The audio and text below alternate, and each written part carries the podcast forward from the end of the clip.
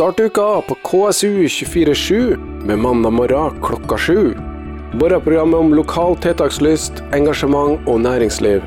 Presentert av Sparebank1 Nordmøre. Vi er tilbake her i studio, og eh, med meg så har jeg Eskil Røsand, eh, daglig leder i Betongmast. Eh, Ja, hvordan er det å komme frem i snøværet? Du bor vel på Averøy fortsatt? Bor var det, vet du. Nei, det har vært ei uh, snørik helg, jeg sier si det. Så det var litt utfordring å finne eh, parkeringsplass her. Men det ordna seg jo. Det, Ja. Jeg må bare ta den plassen som er ledig. ser det ut som.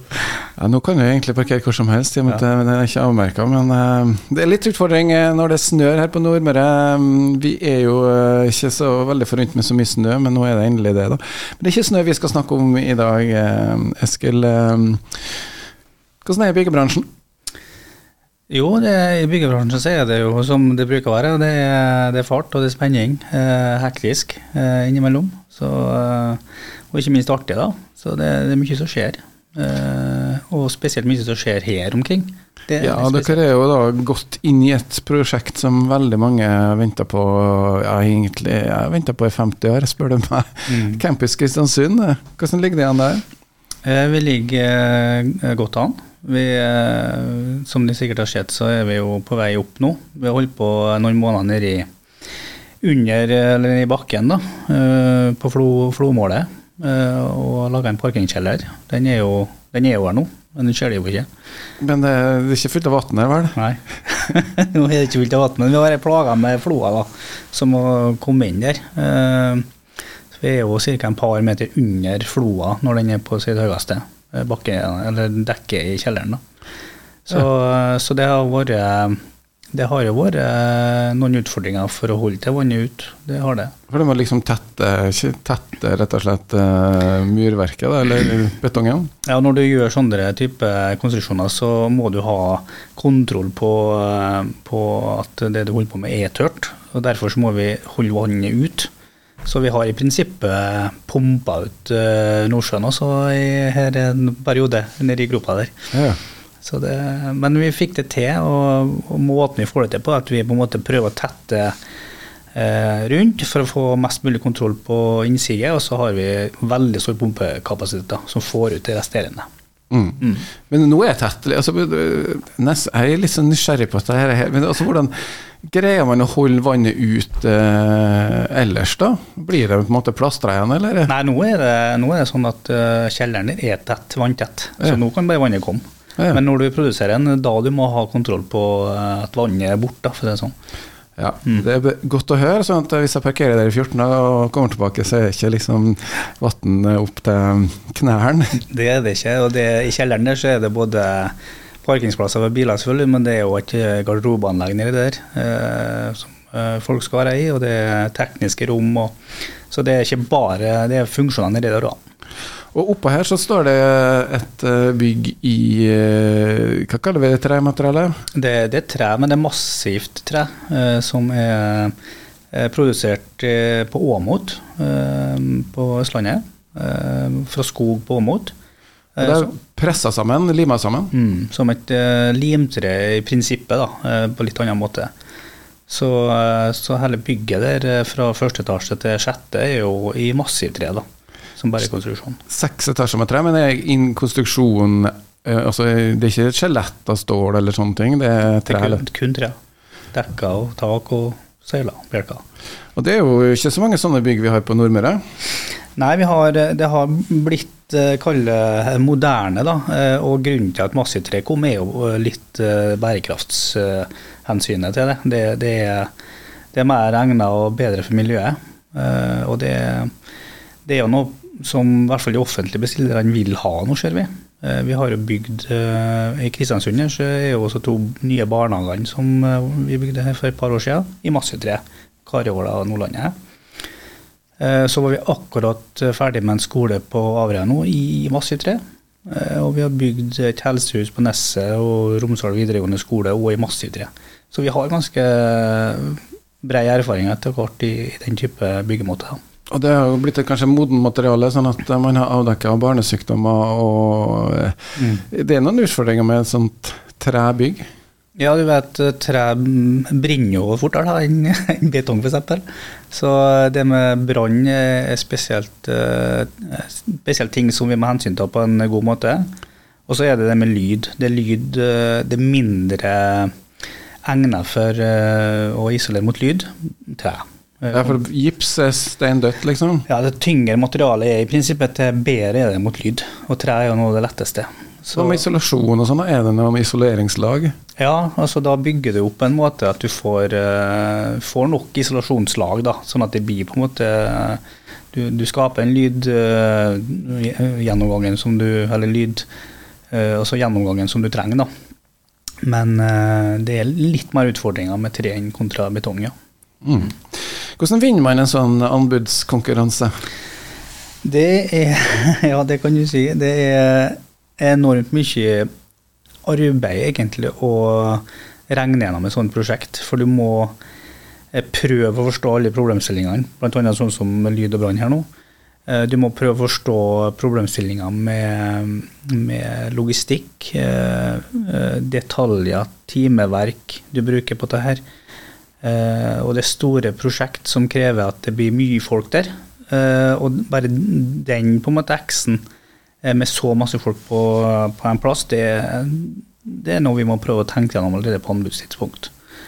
Så vi bruker Vi, vi er kanskje en eh, seks til åtte mann faktisk som sitter og jobber med dette i mange måneder før vi leverer en, eh, et tilbud, da. Og den innsatsen får man ikke betalt for før man vinner? Nei, det er riktig. Så Da er greit å ha litt kapital i bakhånd så man kan gjøre den jobben. Men eh, hvordan var konkurransen her? Eh, Eh, stort prosjekt eh, lokalt, men eh, i regionen eller ellers i landet så er det kanskje ikke så stort? Jo, faktisk. Det er blant de største prosjektene som går i Norge akkurat nå. Og det er jo ikke I regionen her så er jo flere av dem. Vi har jo både SNR og Operaen etter hvert som kommer. Som er veldig store prosjekt i landsmålestokk. Og det desidert største i, i fylket, selvfølgelig. De SNR og campus.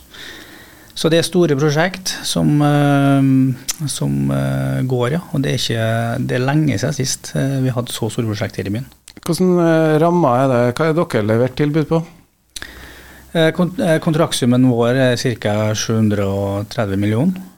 Så det, det, er en kjempestor jobb, selvfølgelig. Over to, eller to år. To og et halvt år. Så eh, det skal produsere en, en del her nå, hver måned.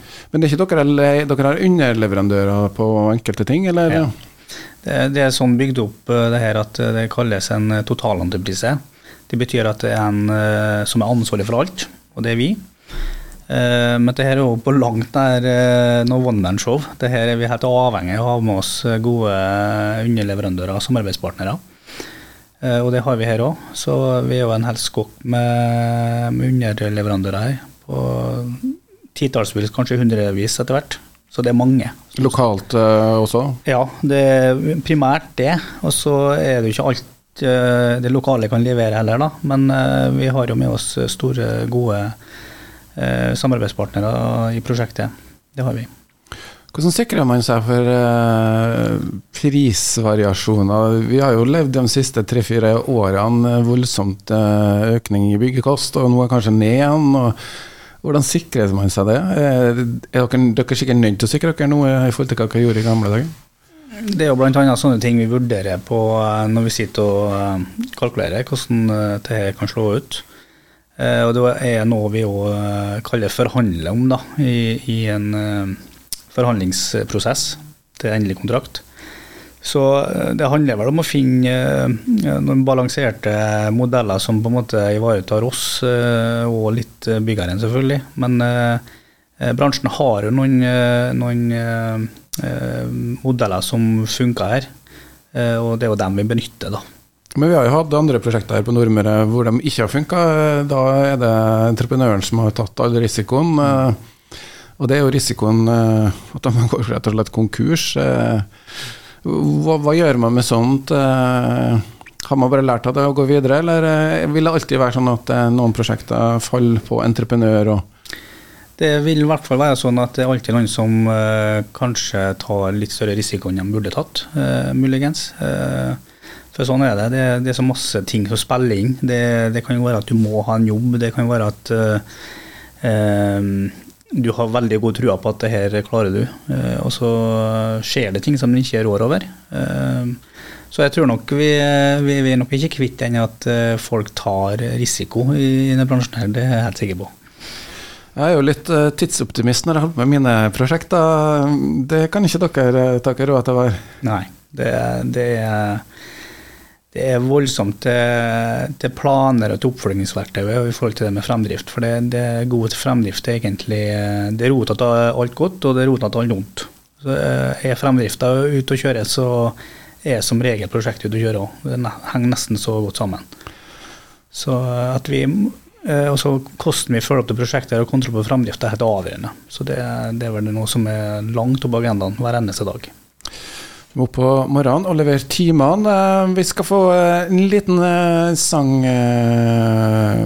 Nei, vi skal ta en liten kommersiell pause nå. Og så skal vi høre litt om det her 700 millioners-prosjektet var noe brødrene Røsand kunne ha fått i havn. Aller først altså litt reklame.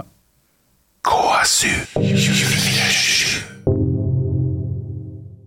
Støtt podkasten Næringsliv på Nordmøre. Gå inn på VIPS, søk opp KSU247 og velg radiolisens næringsliv. Alle bidrag går til å løfte frem næringslivet på Nordmøre med mer innhold og mer podkast. KSU247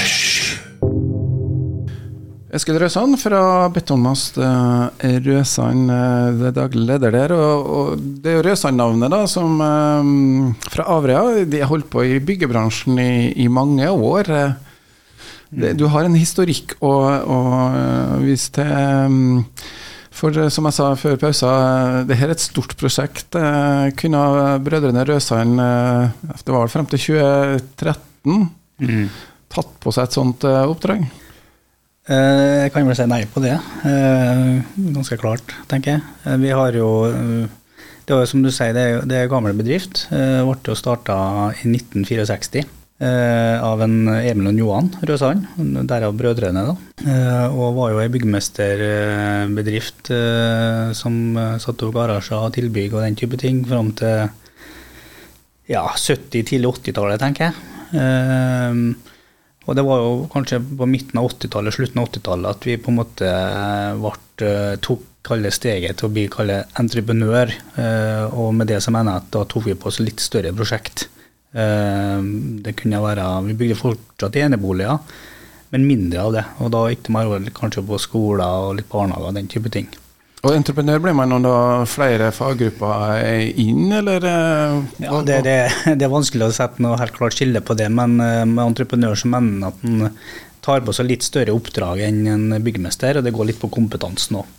I forhold til det, det du kan bygge, rett og slett. Så det var vel sånn det utvikla seg. Og så eh, var jo slutten av 80-tallet og begynnelsen av 90-tallet var jo utfordrende tid i Norge. Det var jo det. Eh, og for selskapet vårt. Men eh, vi klarte oss gjennom det. Eh, og det var egentlig da vi så at for å liksom gjøre det, da, klare oss gjennom det tiende, så så vi det at uh, det er jo litt større marked enn akkurat rundt Averøya, kanskje Kristiansund, ja, her i verden. Så vi, vi reiste litt rann, eh, for å liksom ha aktivitetsnivået opp. Og vi var faktisk helt nede i Tyskland og bygde for å ha jobb til alle sammen. Eh, og helt opp i Vardø, i Vadsø var det vel kanskje i nord. Og eh, helt nede i Lindesnes i sør, faktisk, i den tida der. Og det har vi vært etterpå. Så, men vi starta da, når det var veldig lite her, eller i Norge generelt. Så måtte vi dra dit prosjektet var. Men, men det, er jo 90-tallet eh, Små forhold Men, men sånn, når kom du inn, da? Du er jo nesten for ung til å ha opplevd det her. jeg er ung og ung, ja. Jeg er født i 76, da, så jeg er jo en eh, voksen ungdom, kanskje. Nei, eh, jeg kom jo inn i det her Det var en han far min, som, som drev selskapet her fra slutten av 70-tallet. Og komme inn i det her, selvfølgelig, som, eh, som eh, om vi ville eller ikke, på, på, mange måter. Eh, så jeg kjenner jo til bransjen og jobber jo her i, på somre og ellers. Så, så heldig å få på en måte kjenne på hvordan det her faktisk er, da. Jeg regner med du har slått inn noen spiker, men har du fagbrevet? Nei, jeg har ikke fagbrevet. Men jeg har Jeg skulle egentlig ikke bli Skulle egentlig ikke i bransjen heller, tenkte jeg. Jeg tenkte jeg skulle bli økonom. Det var egentlig det jeg hadde planer om. Men så det er noe så rart med det, så endrer det seg et eller annet når du er når du er tenåra her. Så jeg bestemte meg på, på videregående da jeg gikk på Atlanten at kanskje vi skal prøve det der, da. Og det var, det var ikke noe press hjemmefra overhodet. Det, det var et valg jeg gjorde sjøl. Uh, og dermed så barstet det til, til Trondheim. Så på midten av 90-tallet for min del, da. og gikk på NTH da, og utdanna meg der. Byggeingeniør? Ja, sivilingeniør i, i bygg- og konstruksjonsteknikk. ja ble det. Trivdes godt i Trondheim. Fant jo kona mi der òg. Vi eh, bosatte oss i Trondheim. Jeg ble jo tolv år i Trondheim da. Så, eh, og to av ungene mine er jo oppvokst der òg, delvis. Så jeg trivdes som sagt godt, eh, og jobba der eh, hos en entreprenør, en trøndersk entreprenør. Møtte du kanskje slekta i konkurranse, da? Eh, vi, vi, det gjorde jeg egentlig ikke, men vi, vi begynte å snakke sammen. Og vi starta faktisk eh, det selskapet som jeg jobba for i Trondheim, og brødrene. Vi starta et selsk felles selskap i Ålesund for å prøve å finne synergier. da. Så, og det gikk for så vidt greit. det. Nå endte det med at de tok over det selskapet i sin helhet, det eh, trønderske selskapet der. da. Så vi prøvde å få til noe. Men så kom det som egentlig gjorde at, eh, at jeg kom hjem når jeg kom hjem, var egentlig at eh, det ble skolealder for, eh, for ungene. Og tenkte at det var, det var, det er litt enklere å ha mer slekt og, og, venner rundt seg, eller familie rundt seg. Da. Ja, Det er litt sånn vippepunkt i, ja. i oppveksten, og hvor skal man begynne på skole? Ja. Så det var egentlig det som gjorde det. Og da var det jo helt naturlig for meg å starte, starte i Brødrene, som vi heter da. Uh, og det var jo i 2008-2009, uh, var det vel. Uh, og starta der og jobba som og drev prosjekt og den type ting. Og så kom vi jo til et tidspunkt her vi har snakka om det for så vidt i noen år. Vi var, vi var en entreprenør som hadde base her på Nordmøre. Uh, vi var på en måte for små til å, å kjempe om de store prosjektene, bl.a. campus. Og vi var kanskje for store til å liksom ha, være der vi var for noen tiår siden med å bygge eneboliger og den type ting. Så vi var liksom på en øh, ja. Hvor mange ansatte var det på den tida her, da? Nei, det var omtrent Vi var 80-90 ansatte. Eh, enda mer eh, håndverkere kanskje enn vi er i dag. I dag er vi eh, ganske mange flere funksjonærer, da, vil si ingeniører og den type ting, som, eh, som driver prosjekter. Det er en helt annen måte å drive på når du kjører litt større prosjekt. Du må ha en mye større prosjektorganisasjon, for, å, for det er så mange ting som skal være ivaretatt til enhver tid. Så det, fra å være kanskje maks en, kanskje en halv en på, som drev prosjekter, så er vi kanskje nå fire-fem i snitt. Eh, Campus 13-14-15 kanskje, som sitter og driver prosjektet der. Så det, det, det, det, er to verdener, egentlig. Så da var det 80, Hvor mange ansatte er nå? Nei, Vi er rundt en 70. Mm. Så det er egentlig Vi har gått opp på vi driver på en annen måte. Vi kjøper, kjøper mer tjenester, for å si det sånn. Kjøper mer, vi prøver i hvert fall å kjøpe mer prefabrikasjon på det som kan kjøpes. Eh, før så var det veldig mye skreddersøm. Da Da gjorde vi alt sjøl. Nå er det sånn at spesialister, du har spesialister på det med å støpe gulv og himling. Alt sånne type ting kjøper vi, for det er noe som kan bedre enn vi kan. Sånne ting gjorde vi før. Sjøl før, og da klart da må det være enda flere folk. Så man liksom finner, flytter bare opp i, i næringskjeden, egentlig? Det kan man kanskje si. Ja. Mm. Men det, så Du snakka litt om at det, de lå litt og vippa. Hva var det som det, det, er jo mye konsolidering i byggebransjen. Noen som kjøper opp, noen som vokser. Mm. Det gjelder å finne noen som man har match med, er det sånn? Jo, det gjør det. Og som, uh, I hvert fall det vi tenkte. Det, altså det var, uh, var i, full, full, stand til å stå alene, men da var den kjennelsen at da, vi, da blir vi omtrent der. Uh, I hvert fall over den, den, perioden vi så framom oss. da. Så har det med noe med å drive med rekruttering og kompetanseutvikling òg. For liksom å få de beste folka, så må du ha de beste prosjektene og de mest spennende utfordringene.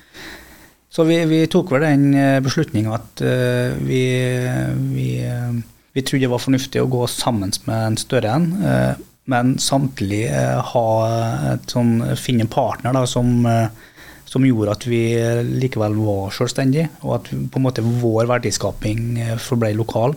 Det var viktig for oss. Eh, Men de, de solgte på en måte firmaet? Eh, vi, stol, vi solgte firmaet, altså de aksjonærene som var i Brødrene Røsand, samtlige av dem gikk inn i uh, Betonmost Holding, som er et morselskap. da. Så vi, så vi er fortsatt eiere i, selskapet vårt. I tillegg til det som, eh, så er det sånn at vi har eh, emisjoner hvert år for at alle ansatte skal få bli eier i eget selskap. Så det, det, tror vi, det tror vi litt på. Eh, og per i dag så er det mange flere eiere i selskapet enn det var opprinnelig. Så de har fortrinnsretta emisjoner mot ansatte, eller opsjonsavtaler? Nei, det er opsjoner, emisjoner, ja. ja. Da er det betonmast som på en måte er De er jo flere betonmaster? Mm, det er ni selskap nå eh, som er spredd rundt omkring i Norge. Eh, der hvert av de nye selskapene er selvstendig i de lokalmiljøene med, i egen AS. Så skatter og all verdiskapinga som de bedriver, eh, kommer lokalsamfunnet til gode. Eh, også med oss. Men så har vi et morselskap over, da, konsern som, som, eier det greiene her. Og vi har en del fellestjenester der òg som vi bruker. Bl.a. lønn, regnskap, juridisk og den type ting. HR. Som, som vi som drar veksler på, da. Uh, og det er veldig greit, for du, å ha alle disse funksjonene i eget hus det, For det første så må du være, ha en aktivitet som er, som er veldig stabil over tid. Uh, I tillegg så er det å drive Å være liksom top notch på kompetanse på det der, og det, det er utfordrende, i hvert fall eh, i det markedet vi er. KSU 24 vi har fortsatt med oss Eskil Røsand fra B. Thomas Røsand. Og vi har hørt litt om historien fra brødrene Røsand over til å bli en del av B. Thomas konsernet. Og det handler litt om å kunne ha mulighet til å, å vokse. Det er noe med finansielle musklene som kanskje altså lokalt eierskap kan jo fort bli utfordra fordi én ting er at man kanskje ikke har bra nok egenkapital, men det et byggeprosjekt sånn som campus til 700 millioner, det er en økonomisk risiko her. Ja, det er klart det. Og det, det med en finansiell rygg, altså en god finansiell rygg oppi det her, det er helt avgjørende egentlig for å, for å være med i denne ligaen her, da. Eh, og det var en av de viktigste grunnene vi så den gangen når vi måtte ha en større finansiell eh, eier for å rett og slett være med i prosjektet her. Bare de, bare de garantiene vi må stille innledningsvis før vi hele tatt har starta, vi, vi, snakker i 100 millionersklassen her, som du må måtte låse. Det er klart det, det er krevende finansielt hvis du ikke har en backing. Eh, og så er det sånn at byggebransjen er jo ikke noen sånn Det er en lavmarginbransje i prinsippet. Snittmarginene i bransjen er jo kanskje på 2-3% bunnlinje, så vi, vi, er jo der. Snakker dagligvare her nå? Ja, vi er på dagligvare, ikke sant. Så, og er du på, på 5-6-7, så er du ganske god. men det er klart, hvis du ikke har kontroll på fremdrifta di, økonomien og innkjøpene dine, så kan det fort bæsje galt av gårde. Altså. Det kan det. Og så er det jo blitt eh, stiller jo strenge krav også når det gjelder privatboligmarkedet. Så har de jo ansvar lenger lengre tid nå enn de hadde for eh, kanskje 20 år siden. Mm. Nå bygger vi veldig lite for private kunder foruten større næringskunder, da, næringsbygg. Men det er riktig som du sier, du har ti år i dag som du må sitte og nesten garantere på eh, for, som entreprenør eller som bygg, byggmester. Da. Eh, men i standard totalentreprisekontrakter så er det fem år som gjelder fortsatt. Men da er forsikringa det benytter dere, da? Vi er, vi er forsikra, ja. Så det, det, er vi. Mm. Men eh, hvis du nevnte privatboligmarkedet, mm, hvordan rører det seg her? Eh, de gjør ikke så mye lokalt, eh, sier dere, men du har kanskje en føling med byggebransjen generelt her?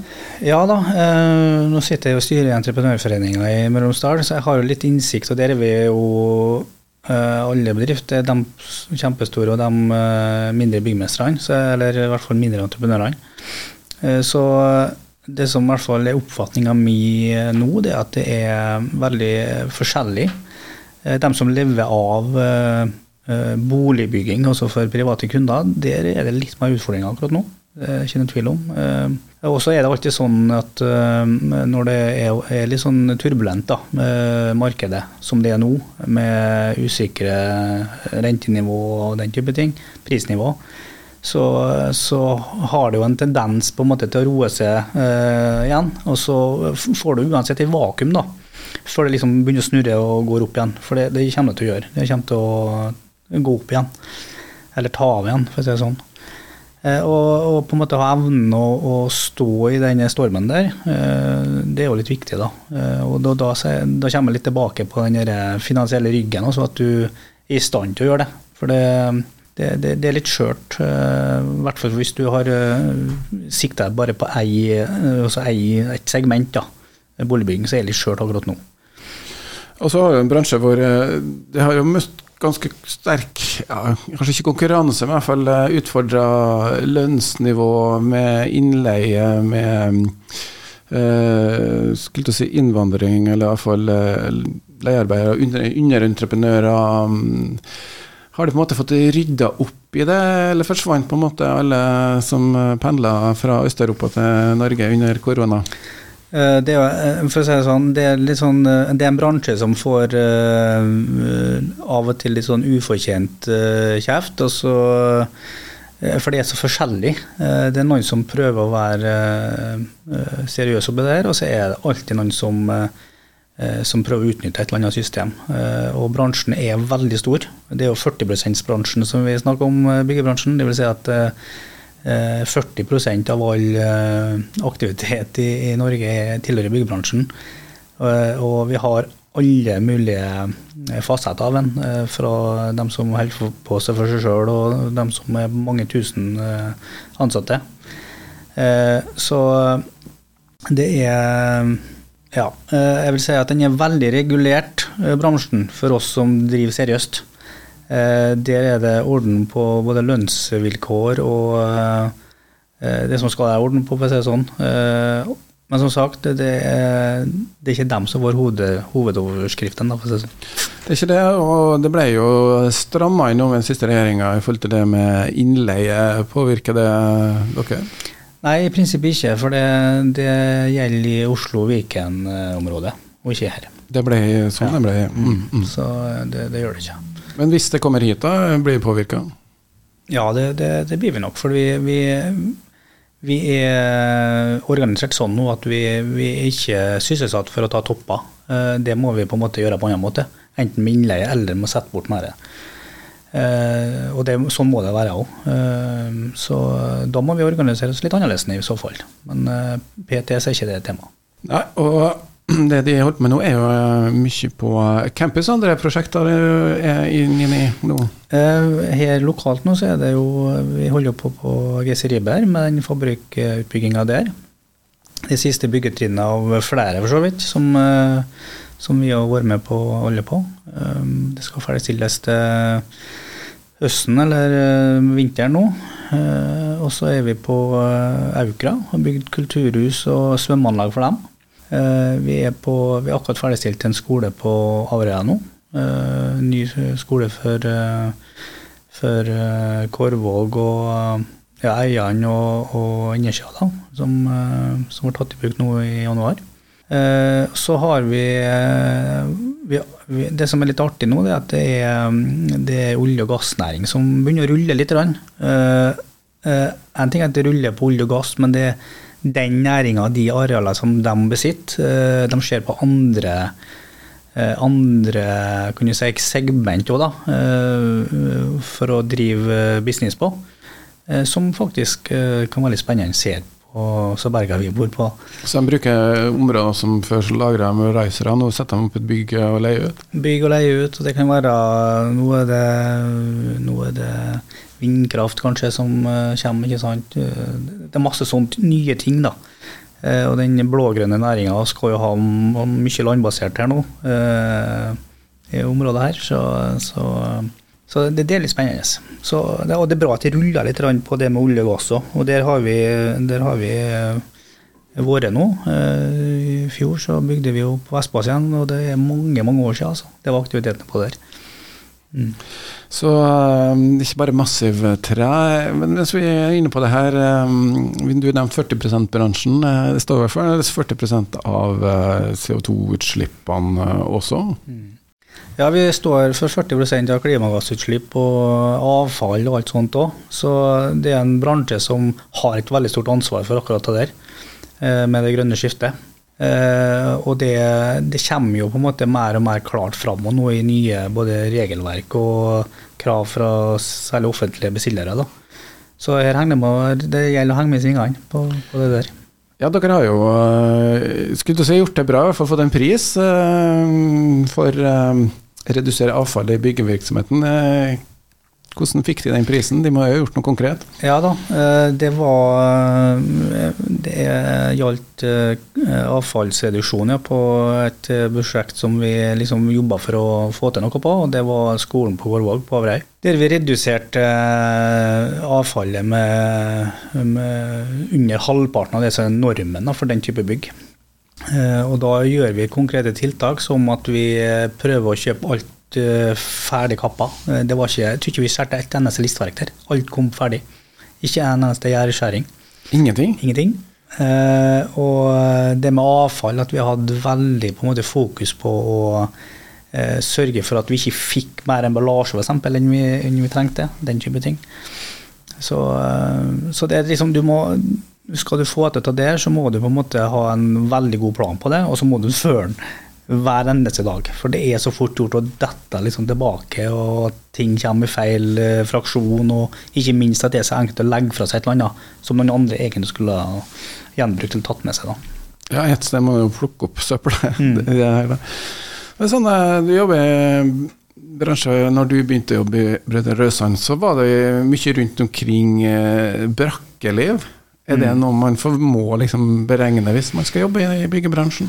Nei, ikke nødvendigvis, men eh, det, det, altså for vår del, og vi ønsker jo å være utom stuedøra eh, når vi har prosjekt her. Akkurat nå så har vi det, og det ser ut som det blir det framover.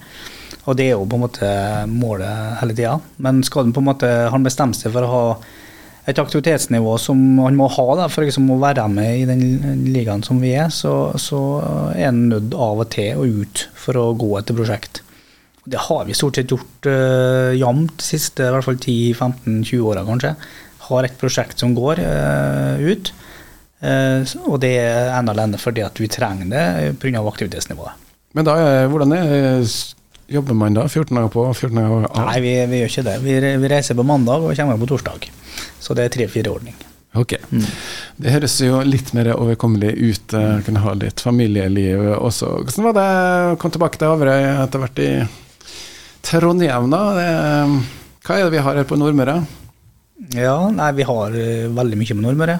Trivdes veldig godt i Trondheim òg, på alle mulige måter. Men eh, eh, jeg må si eh, det med eh, tilgang til sjø, eh, tilgang til turen sånn som vi har den her, det er ikke så mye som slår det. Vi får la det være siste ordet fra Eskil Røsand, som er daglig leder i Betongmast Røsand, som eh, annet bygger massivt trehus på kaia i Kristiansund, også kjent som eh, Campus Kristiansund. Start uka på KSU 24-7 med mandag morgen klokka sju. Morgenprogrammet om lokal tiltakslyst, engasjement og næringsliv. Presentert av Sparebank1 Nordmøre.